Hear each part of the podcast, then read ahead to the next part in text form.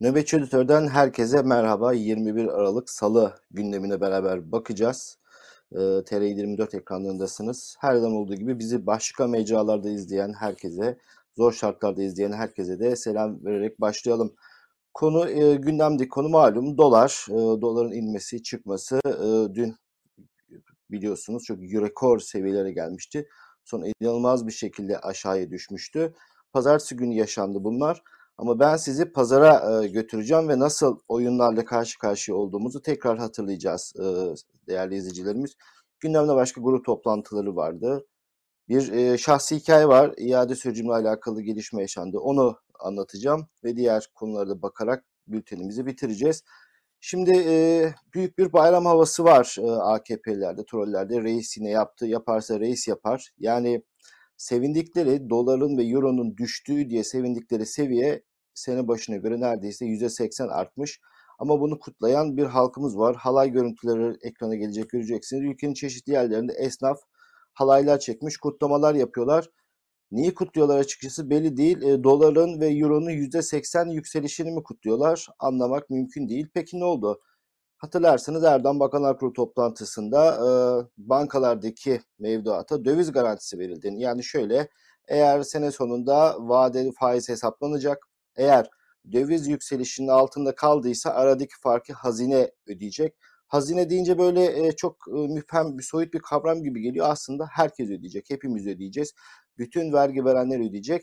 Yani bir nevi vergi veren herkes e, bankada dolu, parası olanların, dövizi olanların farkını ödeyecek cebinden. Yani 82 milyon bütün bu herkesin bankadaki hesabı olanların parasını ödeyecek. Bu arada e, ayrıntılar da ortaya çıkmaya başladı. Şu an bankadaki mevcut hesapların sadece %90'ı bu kapsama giriyormuş. Yeni şartlar e, ortaya çıktı. En az 3 aylık vadede paranız kalacak ve paranızı vade sonuna kadar bozamayacaksınız. Eğer bozulursanız bu imkandan yararlanamıyorsunuz. Bunu da hatırlatalım izleyicilerimize. Sadece %9'u şu an bu kapsamda. Belki bundan sonra arttıran olabilir. Peki pazar günü demiştik. Pazar günü ne yaşandı da bu kadar şüpheli işlemleri konuşmamızı sağlayacak? Pazar günü Erdoğan, e, Yayma, e, Bilal Erdoğan'ın e, mütevellisinde olduğu ya da bir şeyinde olduğu birçok vakıfla ilintililer. Yine kendi ailesinin kontrolünde bir vakfın e, ödül töreninde konuşma yaptı. Ve e, zehir zemberek sözler söyledi. Düşünün pazar günü akşam konuşuyorsunuz ve pazartesi günü piyasalar açılacak. Ve siz diyorsunuz ki TÜSİAD'a e, cibiliyetinizi biliriz. Yetmiyor. Bütün herkese diyor ki anırsanız da anırsamasa, anırsamanız da. Bunu bile söyleyemiyorum. Adam bunu söyleyebiliyor. Düşün yani aramızdaki nezaket farkı. Ne dedi Erdoğan? Bir ara döviz rezervleri 135 milyar dolar çıkardı. Ben yaptım. Başbakandım. Sonra bir ara düştü. E, ben yoktum. Cumhurbaşkanıyım. Yani adam ben yoktum dedi. Düşünebiliyor musunuz? Damadını bütün partisini sattı. Hükümetini sattı Buradan e, kanunsuz işlemler yapanlara, işkencecilere duyuralım bak adam bu kadar kolay satabiliyor. E, geçmişte defalarca herkesi sattı. Döviz olayında bile e, meydanlarda ekonominin sorumlusu benim diye bağıran adam ben yoktum dedi, haberim bile yok dedi. Ki böyle bir konuşma yaptı. Şimdi düşünün pazar akşamı TÜSİAD'a küfreden, anırsanız da diye insanlara böyle hakaret eden eşek diyen, cibiliyetinizi biliriz diyen, ben bir Müslümanım ancak NASA göre hareket ederim benden başka bir şey beklemeyin diyen bir insan var. Bu ne anlamı geliyor? Pazartesi e, piyasalar açıldığında döviz patlayacak. Nitekim döviz patladı. Ne yani 18-20'lere kadar çıktı. Euro 20'yi geçti. Sterlin daha e, da fazla değerli. Düşünebiliyor musunuz? Bunu yaşattılar ülkeye. Ve pazartesi akşamı piyasalar kapandıktan sonra bir çıktı işte bu bahsettiğim mevduata döviz garantisini açıkladı. Şimdi e, herhalde son dakika pazartesi günü öğleden sonra yazıp getirmediler bu kanunu ya da bu çalışmayı. Çok önceden planlandığı belli. Öncesi var. Düşünebiliyor musunuz? Pazar günü piyasaları tahrik eden herkesi e, tahrik eden diyeceğim bir konuşma yaparak dövizi patlatıyor. Ama elin altında böyle bir çalışma olduğunu herkes biliyor. Pazartesi akşamı da doların ateşini alacak, dövizin ateşini alacak ve e, yandaşlarının döviz bozdurmasıyla doları düşürecek bir operasyona düğmeye basıyorlar. Ya bunu görmemek için herhalde çok saf olmak lazım. Şimdi halay çekiyorlar, insanlar seviniyor ya. Servetine servet kattı. Zaten e, Merkez Bankası işte o 128 milyar gibi Merkez Bankası'nı soymuşlardı. Şimdi de hazineyi soydular, servetlerini arttırdılar ve bundan sonra aradaki farkı da size bize ödetecekler. Yani vergi veren herkes bu aradaki farkı da ödeyecek. Yani inanılır gibi değil. Gerçekten ülke nasıl yönetiliyor? Bir aile şirketi kabile devleti demek bile artık e, inanılır gibi değil. Yani gerçekten pazar akşamı o konuşmayı yapacaksınız ki e, bunun öncesi de var. Bütün bir hafta 10 gün boyunca işte sebep faiz, sebep sonuç enflasyon gibi hiç kimsenin itibar etmediği tekerlemeler. Ben nasıl göre e, hareket ederim deyip insanlar iyice ben hep söylüyorum zaten son e, Müslümanı yok edene kadar mücadele edecekler.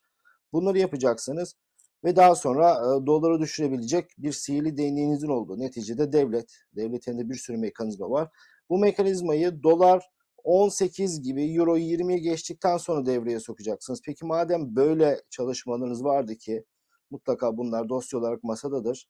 Bu 8 lira 10 lirayken 11 lirayken neden bunları yapmadınız? Bu bir. İkincisi hem deniyor ya faize karşıyız. Bu söylenen faizin arttırılması ama çok böyle cinali türü e, faiz arttırıyorlar ama faizin arttığı ortaya çıkmıyor. İşte dövize e, aradaki fark olursa hazine karşılayacak.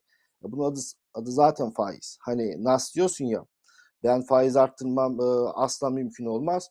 Ama nedense e, piyasanın ateşini düşüreceği tartışmalar gayet ekonomi kurallarına göre konuşma, gayet sakin konuşmalar, nas falan hikaye, faiz karşıtlığı hikaye döviz ve böylece düşüyor.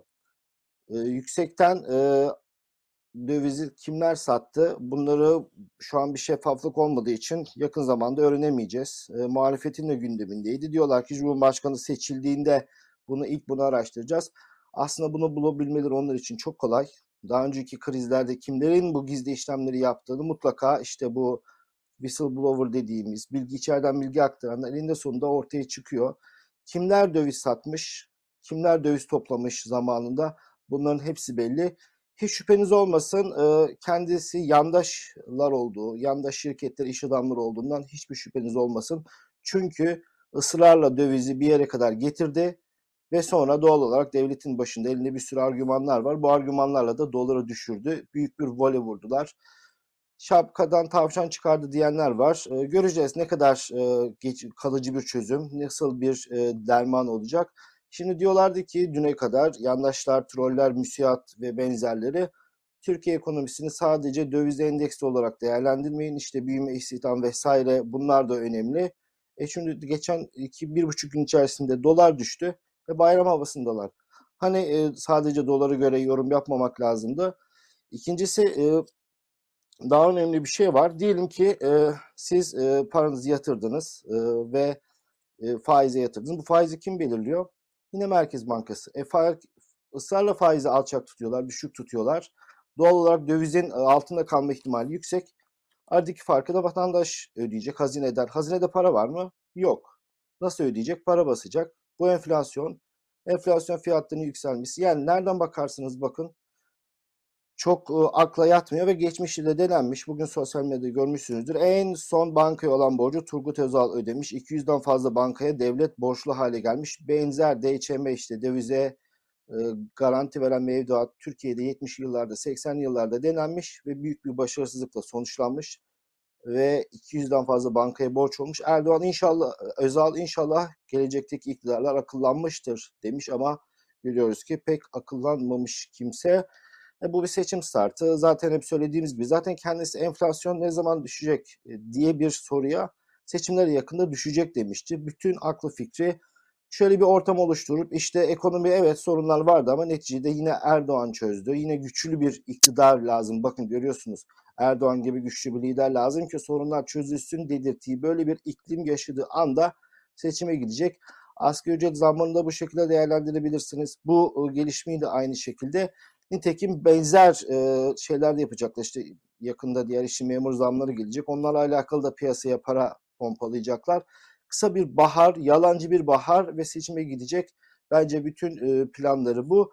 Bu arada dün resmi gazetede zamlar tekrar ortaya çıktı. Ee, özel iletişim vergisi vardı biliyorsunuz. Deprem döneminde, Gölcük depremi döneminde 99 bir seneliğine çıkan e, o vergiyi 22 yıldır ödüyoruz. Ona da 136 zam geldi. E, ama diğer dolarla e, ölçülen hak, akaryakıt vesairede indirim olacağı konuşuluyor. Henüz biz haberi girdiğimizde yansımadı. Dolar 12.80 civarındaydı. An arkadaşlarımıza zamlı getirdi. Evet, voleyi vurdu, servetine servet kattı e, ve e, şimdi bizim çenemizi yoruyor. Zürt'ün parası bizim çenemizi yoruyor.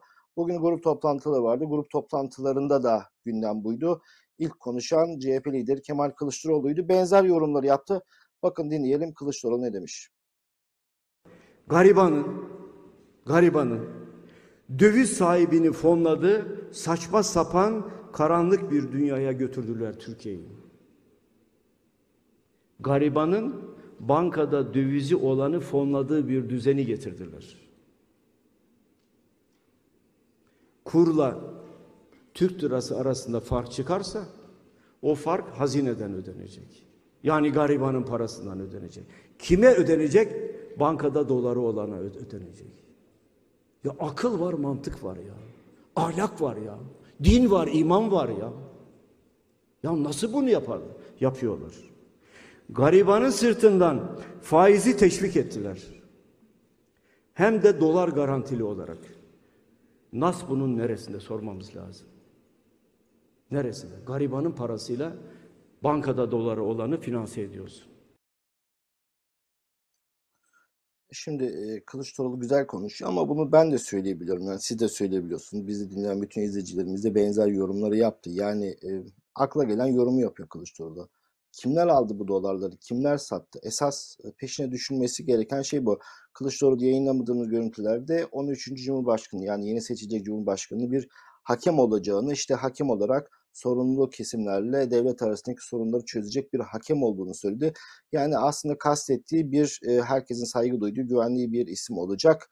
E, böyle çok liderlik özellikleri olmayacak. E, kastettiği anlaşılan işte parlamenter sistemi güçlenecek ama bu hakem cumhurbaşkanı sorunları çözecek dedi. Neyse bu hakem cumhurbaşkanının ilk işlerinden bir tanesi de bu şey olacakmış. Dolarları kim aldı kim sattı. O zamana kadar kim öyle kim hani şu an muhalefetin bütün enstrümanlarıyla bu dolarları kimin aldığını öğrenme peşine düşmesi gerekmez mi? Hani o belgesini çıkartıp bana doları şurada burada deyip başka gazetecinin çalışmalarını yayınlıyorlar da neden e, bunun peşine düşmüyorlar? CHP'de e, hazineden ve bazı devlet kurumlarından, bu ilgili devlet kurumlarından emekliye de o dönemde çalışmış çok insan var. Çok bağlantıları olan bir parti CHP. İstese öğrenir mi? Ben inanıyorum. İstese öğrenir. Eğer kafaya taksa bu dolarları kimin aldığını öğrenmek istese rahatlıkla öğreneceğini ben size temin ederim. Ama yapmıyorlar. Esas yapması gereken yani bunlar ama işte senin benim gibi konuşabiliyor. Hülya Avşar'a çatıyor. Ya Hülya Avşar'a çatmak ne kadar kolay ki kamuoyunun bu kadar gündem olması da aslında bir şekilde iktidarın istediği bir medya ortamı. İşte Hülya Avşar'a hedef alıyorsun. Hülya Avşar'ın simiti görüntüleri. Kılıçdaroğlu hatırlarsınız işte sanatçı değil ki o. Sanatçı yalak olmaz falan filan dedi de bize bir faydası yok. Diğer e, muhalefet lideri Mithat Sancar'dı. Büyük harflerle yazdım. Birkaç kere Mithat Baydır demişim daha önceki yayınlarda. E, hem sizden hem Mithat Hoca'dan özür diliyorum. Onun da gündeminde dolar vardı. Bakın o ne demiş. Başvurabilecekleri tek kaynaklar. Hazine. Şimdi nasıl bundan önce büyük projeleri yandaşlara ihale ettikleri, yandaşlara verdikleri büyük projeleri hazinenin garantisi altına almışlarsa Şimdi de bu mevduattaki dövize bağlı artışları karşılamak için hazinenin kaynaklarını kullanacaklar. Yani halkın kaynaklarını kullanacaklar. Peki bunun da bir sınırı var. Eğer daha çok yükselirse döviz, faizle döviz arasındaki, kur arasındaki farkı karşılamak için hazinenin kaynakları, mevcut kaynakları yetmiyorsa ne yapacaklar? Para basacaklar. Para basmak enflasyon demek. Hazineyi kurutmak bu ülkeyi soymak demektir. Evet, e, Mithat Hoca da bu bir mandacılık dedi HDP eş genel başkanı. Erdoğan'ın gündeminde sosyal medya vardı. Cumhurbaşkanı Kültür Büyük Sanat Ödülleri gibi her sene evvel ödüller var biliyorsunuz. O törende konuştu Erdoğan. Sosyal medyaya değindi. Sosyal medyada e, önce bir dinleyelim. Üzerine konuşacak çok şey var. Dünyada internet içeriğini kimlerin yönettiği, kimlerin elinde atom bombası olduğundan çok daha önemli hale gelmiştir. Ancak ne kadar çok kişiyi bünyesinde eritirse eritsin, ne kadar çok içerik üretimi yaparsa yapsın, bu araçlar hala geleneksel kültür ve sanat faaliyetlerinin insan ruhunda bıraktığı etkiyi oluşturmanın çok uzağındadır.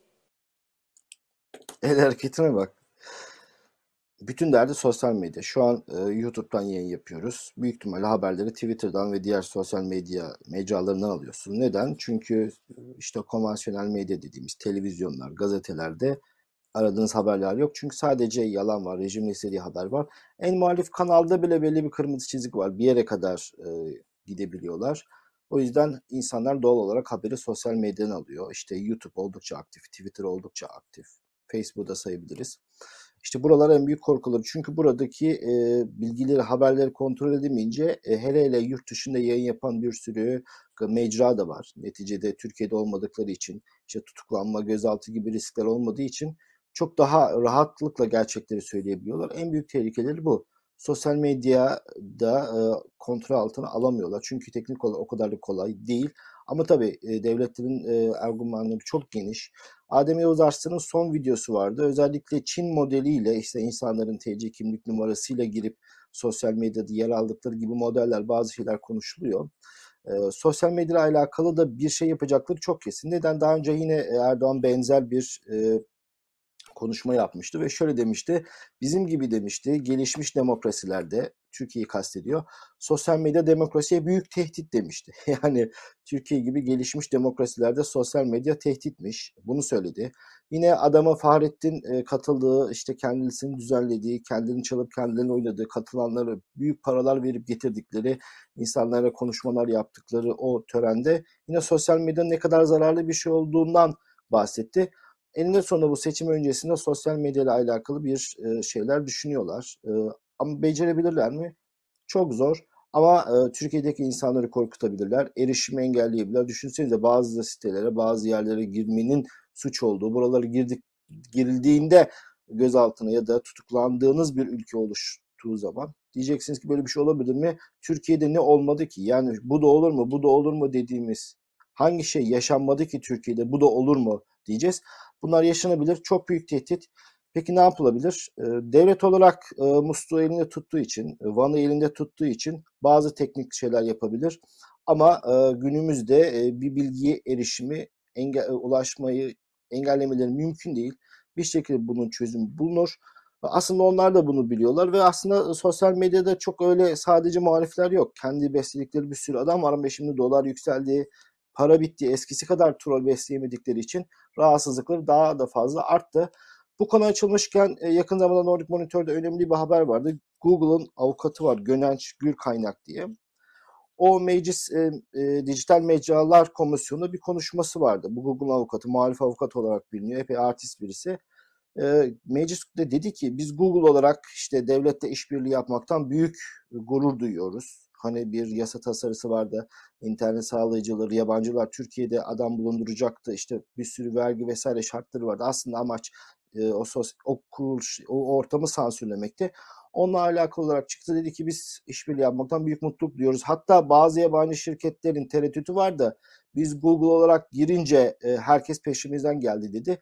Yani o şirketlere de çok da fazla güvenmemek lazım. Neticede parasının peşinde bunlar çok rahat Türkiye Cumhuriyeti Devleti ile anlaşıp e, para karşılığında kendi ticari e, karlarının zedelenmemesi karşılığında işbirliği yapabilir. Neticede Türkiye çok büyük bir pazar. 85 milyonluk bir ülke. İnternet ve gençler e, kullanımında, e, sosyal medya kullanımında Türkiye çok ileri bir ülke. O yüzden e, vazgeçemeyecektir bir ülke. E, hiç o Twitter'da, Google'da, işte Amazon, YouTube birçoğu aynı şirket zaten bunların böyle dik duracaklarına falan da güvenmemek lazım. İşte avukatının söyledikleri ortada. İşte yurt dışında gazeteciler yayın yapıyor birçok gerçeği böyle öğreniyoruz demiştik. Çok gurur duyduğumuz meslektaşlarımız var. Hem YouTube hem de sosyal medya mecralarında.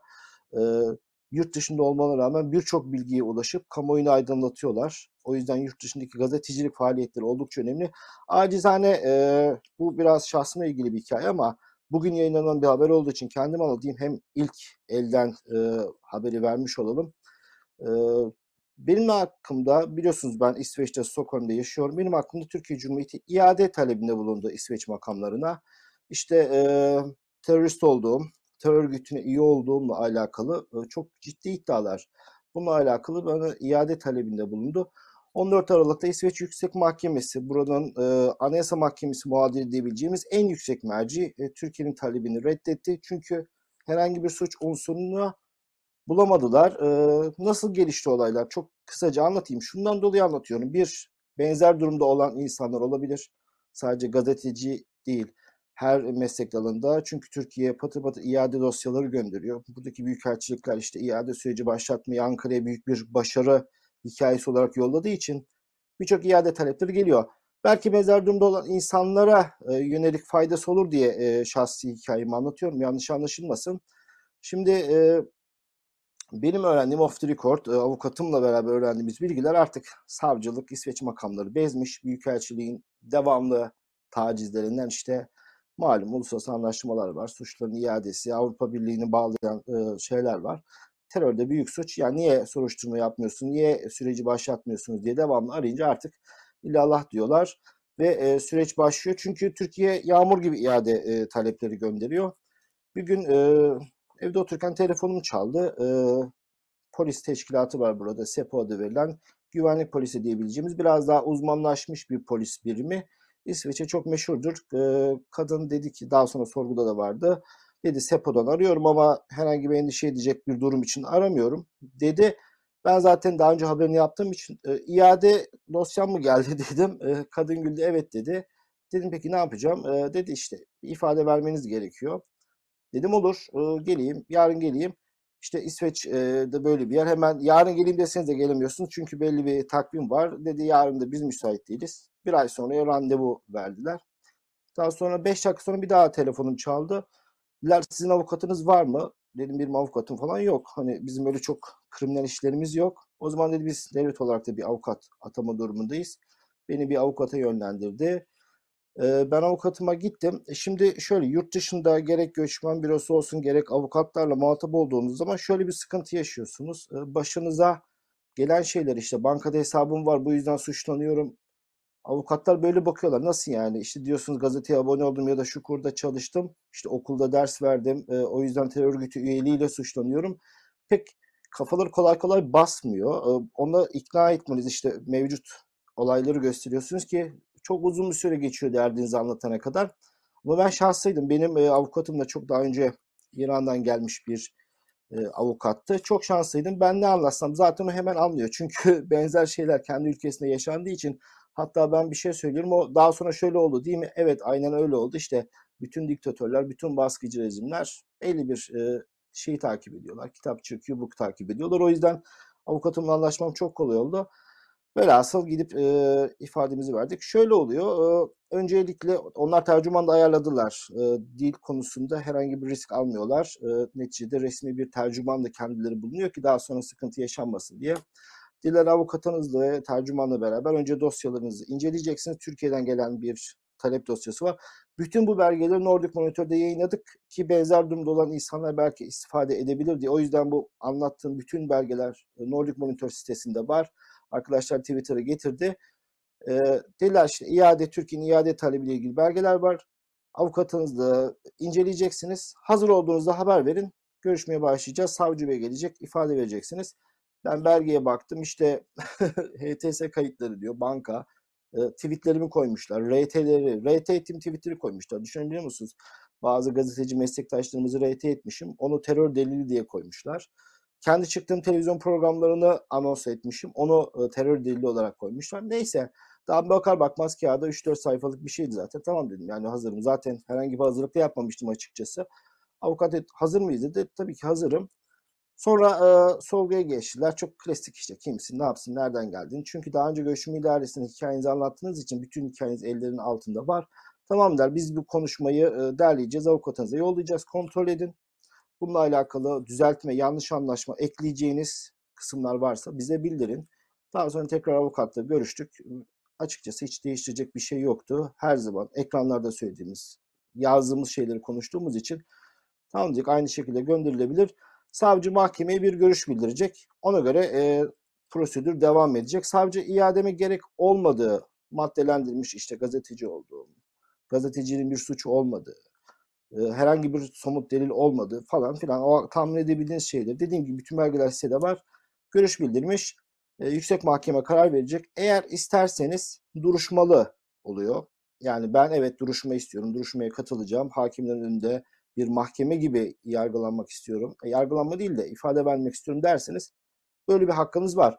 İsterseniz hayır, e, savcı zaten görüş bildirmiş. Biz avukat daha fazla süreyi uzatmayalım. Neticede savcı da e, iadenin reddini istediği için fazla uzatmaya gerek yok. Tamam dedim. Ben de öyle şekilde yapalım ve nitekim yaklaşık 8 ay sürdü e, bu prosedür. 14 Aralık'ta geçen hafta mektupla bana bildirdiler e, iademin reddine. Şimdi buraya kadar süreci anlattım. Şimdi kararın çok daha önemli ayrıntıları var. İştihat olabilecek neticede bir AB ülkesi olduğu için başka bir AB ülkesinde de e, sunul- sunulabilir. Birincisi diyor ki Türkiye'ye o bankaymış. Bu arada e, Banka Asya'da maaşımız yatıyordu. Yani Banka Asya'daki paramız maaşımız. Yani maaşımızın yattığı hesabı terör delili diye sunuyor. İşte böyle bir devlet maalesef. ETS kayıtları 2-3 kişiyle konuşulmuş. Başka ne vardı? Benle alakalı. İşte dediğim gibi sosyal medya paylaşımlarım. Bunları koymuşlar delil diye düşünebiliyor musunuz? İşte bu sunulanların hiçbirinin suç olmadığı, gazetecilik faaliyeti kapsamında olduğu için herhangi bir suç unsuru bulunamadığı. Diğer bir iddia şuydu işte bu meydan gazetesi malum işte cemaatin gazetesi. O yüzden bu cemaat işte terör örgütü olarak görüyor ya ülke. Başka hiç kimse buna inanmıyor hiçbir medeni ülke. Terör örgütünün sözcülüğünü yapmıştır diyor.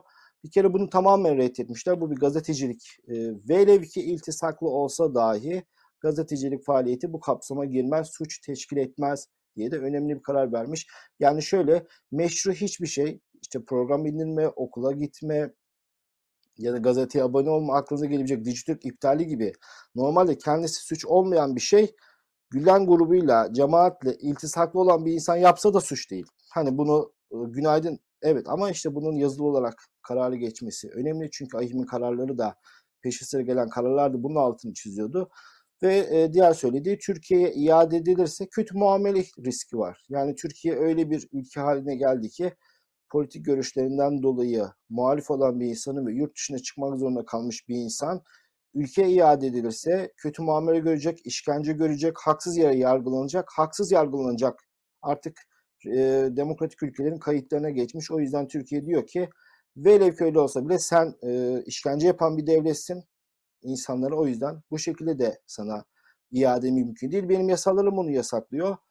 Diğer e, bir maddede zaten e, sığınma hakkı elde ettiği için, zaten kendi kurumları hikayeyi dinleyip sığınma hakkı verdiği için bir e, politik görüşünden dolayı sığınma hakkı elde ettiği için bu da e, iadeye bir e, engel. O yüzden e, iade e, karar Türkiye'nin talebi reddedildi. E, durum bu. Dediğim gibi bütün belgeler sitede var. İhtiyacı olanlar, dileyenler, merak edenler oradan bakabilirler. Çok üzüntü verici bir gelişme. Tabii ülkenin imajı adına çok üzülüyorum. Hani zaten sonuç böyle çıkacağı için herhangi bir şaşırmış değilim ama işte ülke maalesef rezil oluyor. Bir gazeteciyi ve delil olarak gönderdiği de tweetler.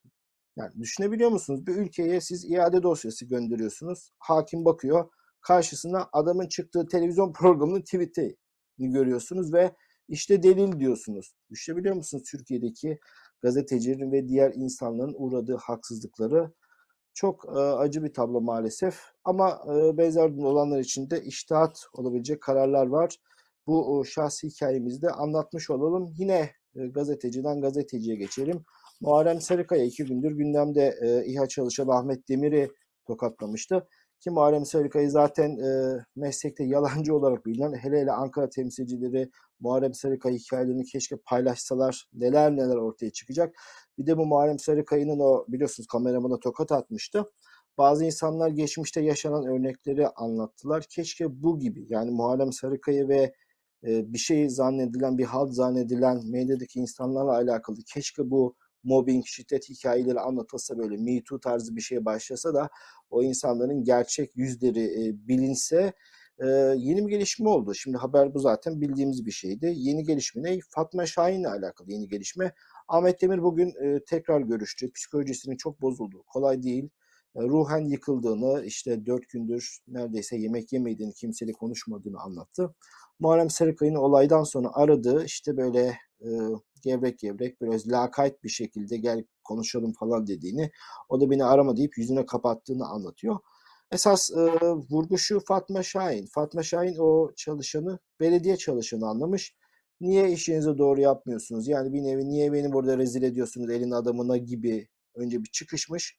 Daha sonra olayın nasıl olduğunu anlatmışlar işte biz İHA çalışanıyız. Bir sistem kurduk ama adam kendi telefonunu da kurdu. O yüzden bir sorun yaşadı. Biz tekrar sistemimizi ona göstermek için geldik falan deyince de ha, iyi o zaman da özür dilemiş. Bütün derdi bu. Beni nasıl rezil edersiniz Ankara'dan gelmiş adama. Ya artık senin gazeteciden korkacak bir şey mi kaldı? Yani ülkede her şey bir adamın iki dudağı arasında. Yani sen artık Muharrem Sarıkaya'dan da korkma Fatma Şahin. Yani mıy mıy mıy hiçbir şekilde önünde büyük olaylar oluyor. Adamlar tokatlanıyor. O hala mıy mıy mıy fıstık baklava diye anlatıyor. Helal olsun Nilgün Belgün var biliyorsunuz e, sinema sanatçısı. Kaç yıllık oyuncuyum böyle oyun oynayamazdım dedi. Evet ya insan bir tepki verir bir saniye durur ya bir iki saniye durur. Mıy mıy mıy fıstık baklava diye anlattı. Maalesef ülke bu hale geldi. Ülke nasıl bir hale geldiğini pekiştirecek bir haberle devam edelim. Susurluk hükümlüsü Ziya Bandırmalı oldu.